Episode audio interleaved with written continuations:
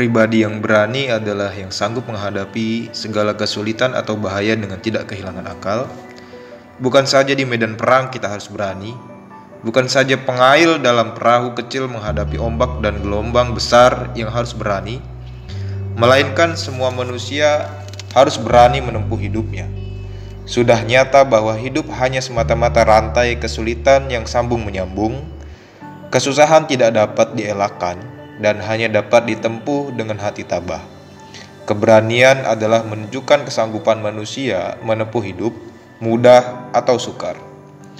Pada waktu bertemu dengan kesulitan, dapat dilihat mana yang pemberani dan mana yang penakut, mana yang yakin dan mana yang ragu-ragu, mana yang besar dan mana yang kecil jiwanya. Itu adalah beberapa potong paragraf dari bukunya Buya Hamka yang berjudul Pribadi Hebat. Sebelum memasuki review buku ini, saya akan memperkenalkan diri saya pribadi. Nama saya Muhammad Fadli, asal dari Banten. Alamat tepatnya di Kampung Tegal, Desa Cikoneng, Kecamatan Anyer, kalau teman-teman tahu Anyer terkenal dengan pantainya, maka teman-teman bisa uh, menghubungi saya seperti itu. Saya berkesempatan untuk bisa menyampaikan review buku ini melalui podcast ini. Saya ucapkan terima kasih, terima kasih kepada teman-teman yang telah mengundang saya. Mudah-mudahan podcast ini ke depan lebih besar lagi uh, audiensnya dan banyak yang menarik gitu ya lebih menarik dan banyak orang yang tertarik tentunya. Di sini saya akan menjelaskan ataupun mereview buku yang salah satu yang saya kagumi gitu ya dari uh, tulisan Buya Hamka. Kita tahu secara pribadi Buya Hamka adalah orang Sumatera Barat ya. Terkhusus orang ini beliau ini lahir di Sungai Batang Tanjung Raya Kabupaten Agam, Sumatera Barat. Tanggalnya di sini tanggal 17 Februari 1908. Kita kenal Buya Hamka adalah ulama dan sastrawan besar yang ada di Indonesia. Beliau adalah ketua MUI pertama dan beberapa novel legendaris yang beliau tulis seperti di bawah lindungan Ka'bah, dan tenggelamnya kapal Van der Wijk serta karya fenomenal yang pernah ditulis beliau adalah Tafsir Al-Azhar. Dan itu beberapa karya-karya beliau gitu ya. Dan salah satunya adalah yang uh, akan direview oleh saya ini yang berjudul Pribadi Hebat. Di sini kenapa saya memilih pribadi hebat? Karena ketika saya membaca gitu ya, ada sebuah getaran dan ada efek wow gitu ya atau dalam pendidikan itu ada efek oh gitu ya. Oh harus seperti ini dan segala macamnya. Buku ini lebih kepada self improvement ataupun uh, perbaikan diri harus menghadapi uh, lingkungan seperti apa membangun pribadi seperti apa dan membangun keberanian itu seperti apa. Dijelaskan di buku ini meski secara kontekstual ataupun secara pelaksanaannya saya masih jauh dari sempurna sekitar tahun 2018 saya membaca buku ini dan secara penerapannya memang agak sulit gitu ya ataupun memang masih sulit.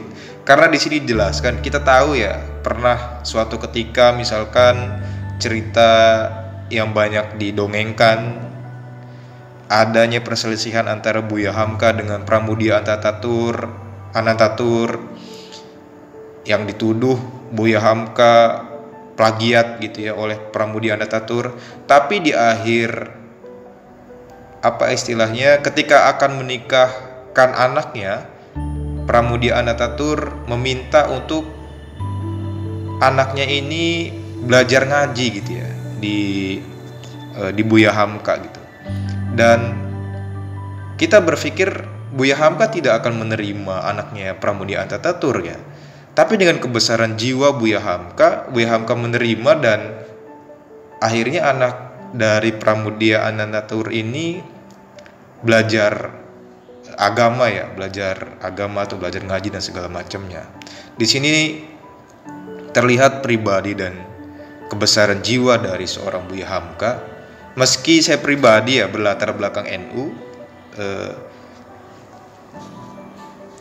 dan Buya Hamka aktif di Muhammadiyah, saya rasa pandangan-pandangan beliau berkaitan dengan keberanian, ketegasan yang memunculkan daya tarik yang akan dikupas di buku ini itu membuat saya tertarik dengan pribadi Buya Hamka. Banyak kan buku-buku Buya Hamka selain pribadi hebat ada Buya Hamka berbicara tentang perempuan, ada giroh atau cemburu kepada Allah ya kan yang telah dituliskan oleh Buya Hamka. Namun di sini saya akan eh, mengulik sedikit berkaitan dengan buku Buya Hamka. Buku ini e, diterbitkan oleh Gema Insani. Kalau saya lihat di belakang covernya itu cetakan pertama itu sekitar tahun 2014, cetakan pertama Kemudian di tahun 2019 itu sudah cetakan ke-9. Dan dari buku ini banyak banget saya belajar. Dari buku ini saya banyak seperti berkomunikasi dengan Buya Hamka, seperti seolah-olah saya bertemu langsung dengan Buya Hamka seperti itu.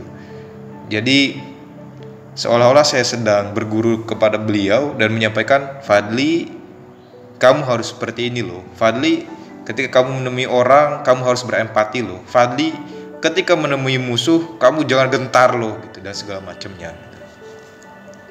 Dan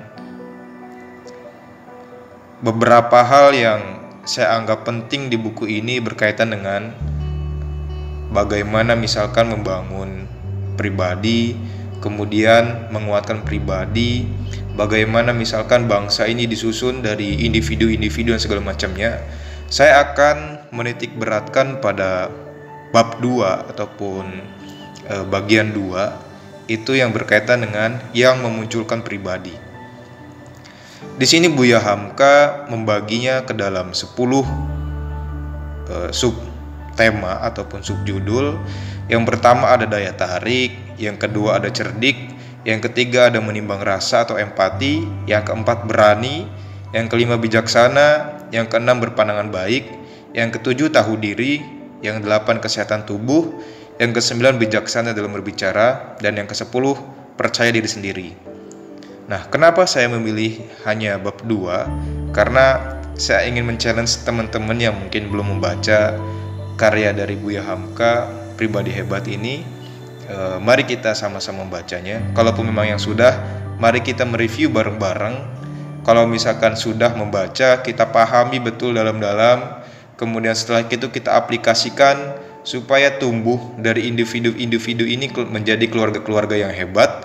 Dari keluarga-keluarga ini kita tumbuhkan masyarakat-masyarakat yang memang berjiwa besar dan e, berjiwa berani seperti itu.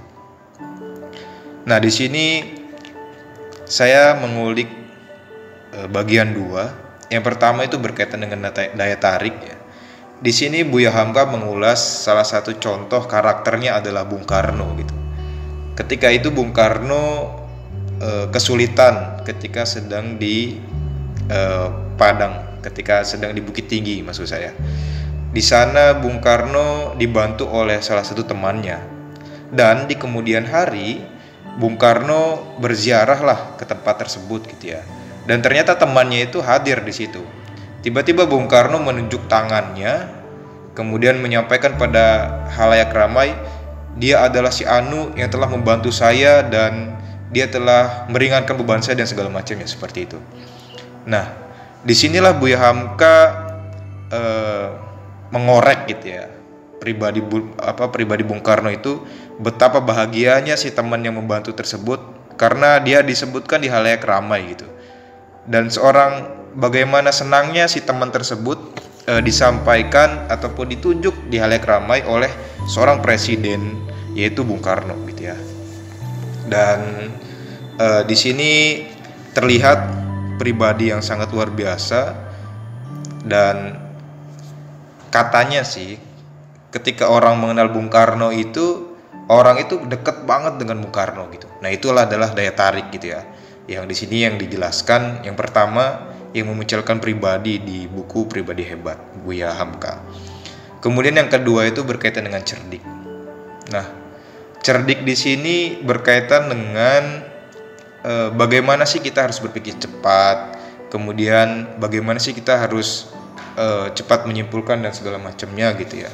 Dan di sini juga Bu Hamka banyak meng, apa namanya mengsitasi ya mengsitasi ataupun e, berbicara pembicaraan dari Imam Al Ghazali misalkan e, barang siapa yang berilmu tidak berlogika maka ilmu dia sia-sia dan segala macamnya gitu ya. Jadi cerdik di sini harus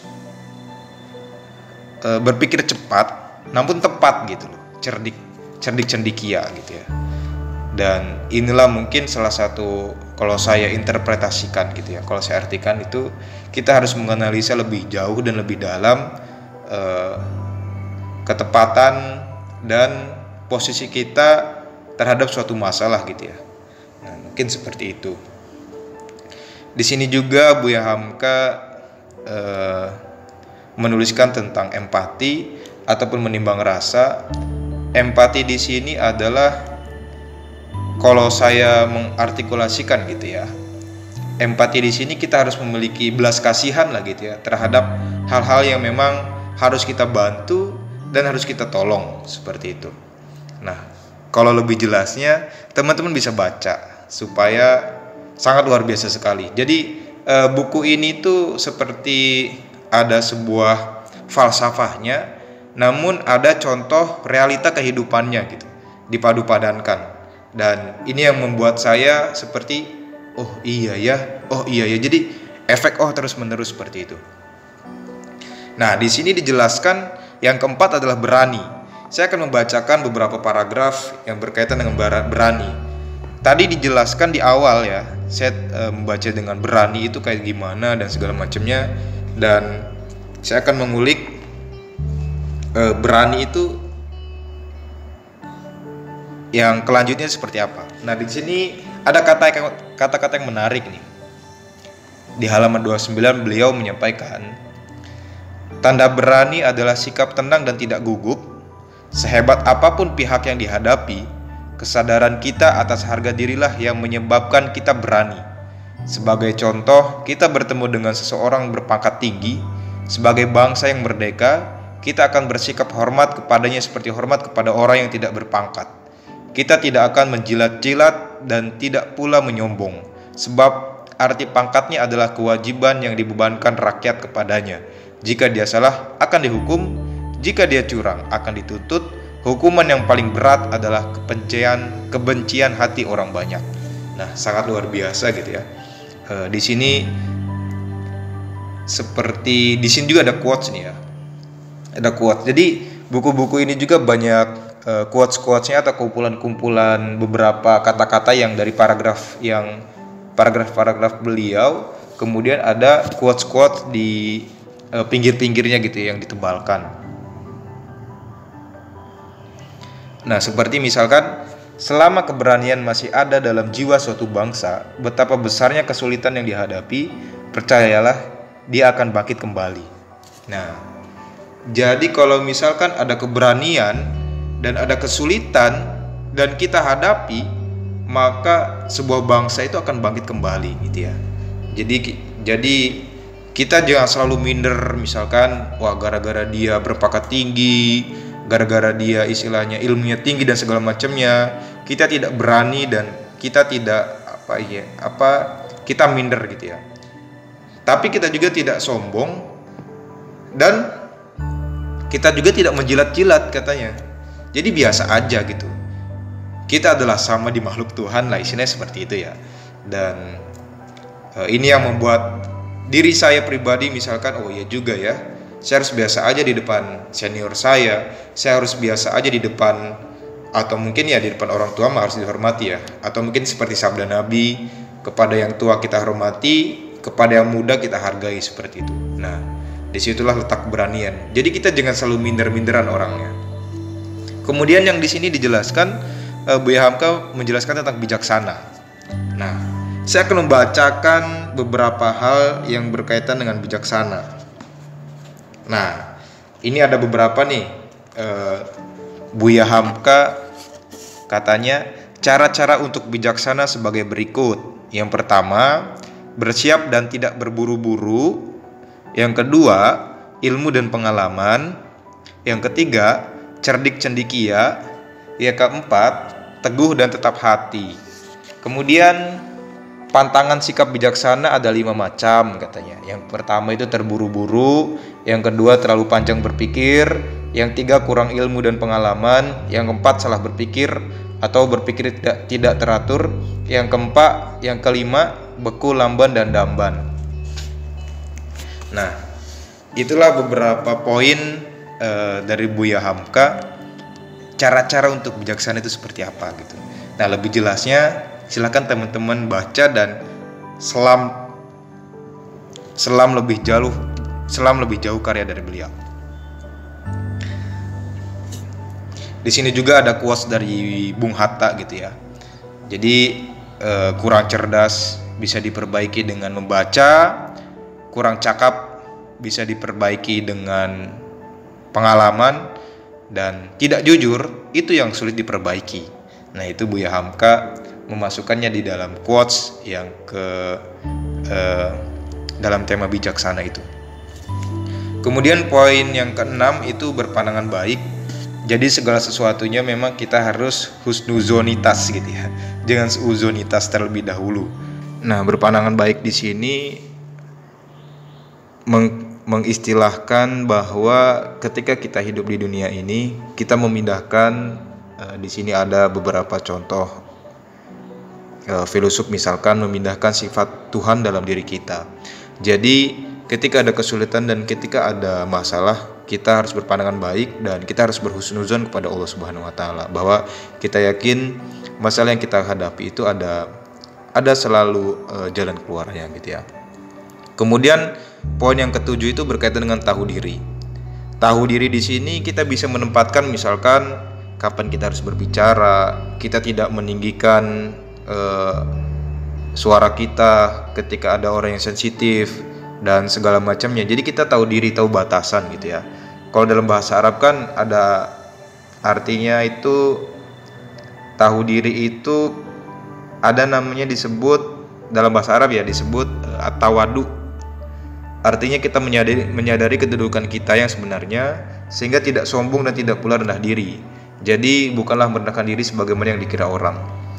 Jadi kita juga tidak menyombong, tapi kita juga tidak rendah diri gitu ya, tahu diri dan ya biasa aja gitu ya, bahwa uh, ya istilahnya Allah itu ada dalam hati kita ya, istilahnya kita diawasi oleh Allah dan kita tahu diri kapan harus berbicara, kapan harus berperilaku dan kapan kita harus mendengarkan orang lain gitu, karena ya mendengarkan kan mendengar itu kan lebih ya, lebih baik sebenarnya daripada banyak berbicara ya.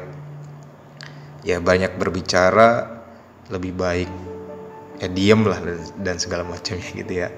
Nah di sini kemudian yang kedelapan dijelaskan kesehatan tubuh. Jadi ketika kita uh, jasmaninya sedang sakit satu misalkan tangan kita sedang sakit maka yang lainnya pun misalkan mulut kita ngomong aduh gitu ya. Jadi ketika yang tubuh satu sakit maka sakitlah semua. Jadi jadi di sini dijelaskan ketika kesehatan tubuh dan kesehatan otak itu baik maka semuanya pun akan baik. Makanya di sini makan makanan lah kemudian berolahraga dan segala macamnya. Yang kesembilan di sini yaitu ada bijak dalam berbicara jadi eh, termasuk saya mungkinnya sekarang masih ceplas-ceplos masih merasa emosi yang membludak-bludak dan segala macamnya. Tapi di sisi lain, saya selalu diingatkan dengan isi buku ini jadi bijak dalam berbicara. Seperti yang saya uh, sampaikan tadi, lebih baik lu diem deh gitu daripada banyak ngomong. Khawatir nanti ketika banyak ngomong itu nggak bermakna sama sekali gitu ya. Ataupun menyakiti orang lain. Lebih baik diem gitu. Berbicara yang baik atau diam. Jadi kalau misalkan memang kita banyak ngomong juga, kadang ketahuan kadar keilmuan kita kan. Wah ini lama-lama nih orang bego amat nih kata orang gitu ya. Ya lebih baik diem lah gitu ya. Diam lebih baik. Diam adalah emas gitu ya. yang penting kita jangan kelamaan diem kan diem diem aja diem gitu kan ngeluarin emas gitu ya ya tau lah emas yang apa gitu kan dan yang ke sepuluh yaitu uh, percaya diri sendiri jadi kalau misalkan di sini kita harus percaya diri sendiri kita harus percaya pada kemampuan kita kalaupun kita mengenal bahwa merdeka itu kan kita yakin bahwa kita mampu ya percaya pada diri sendiri. Kita tidak percaya dengan Belanda, Belanda mengkhianati, mengkhianati kita misalkan dan intinya percaya diri ini yang akan menimbulkan memunculkan pribadi gitu. Kalau misalkan orang yang minderan, kalau misalkan orangnya malu-maluan dan segala macamnya, itu pribadinya masih apa ya? Biasa aja gitu ya. Tapi lihatlah misalkan kalau kita orangnya e, percaya diri, maka orang lain pun akan mengap, apa ya mengapresiasi ataupun wah ini orang punya percaya diri yang tinggi nih gitu ya meskipun misalkan ya banyak kekurangan dan segala macamnya gitu tapi ya pede aja dulu gitu kan nah itu beberapa hal yang uh, saya sampaikan kepada teman-teman dan ini buku yang saya rasa menjadi salah satu rekomendasi buat teman-teman semua. Bagaimana misalkan kita uh, ingin menonjolkan pribadi kita dan ingin menonjolkan daya tarik kita seperti apa dan yang bab-bab lainnya sebenarnya lebih dahsyat lagi tapi saya hanya mengulik bab dua saja. Dan kalaupun memang kita uh, teman-teman sudah baca nanti kita bisa diskusi bareng-bareng lah gitu ya. Karena lumayan panjang kalau misalkan saya mengulik uh, semua bukunya gitu. Mungkin uh, sekian dari saya. Terima kasih atas waktunya teman-teman. Dan terus untuk Kang Gibran terima kasih atas undangannya. Mohon maaf jika jikalau misalkan masih banyak kekurangan penyampaian. Dan mudah-mudahan ada bagian selanjutnya gitu yang bisa uh, di-sharing-sharingkan. Ya kita akan bertemu di lain waktu mudah-mudahan. Dan saya berdoa dan e, berharap podcast Kang Gibran dan kawan-kawan ini e, daya tariknya ataupun peminatnya makin tinggi gitu ya. Amin. Ya terima kasih saya ucapkan. Assalamualaikum warahmatullahi wabarakatuh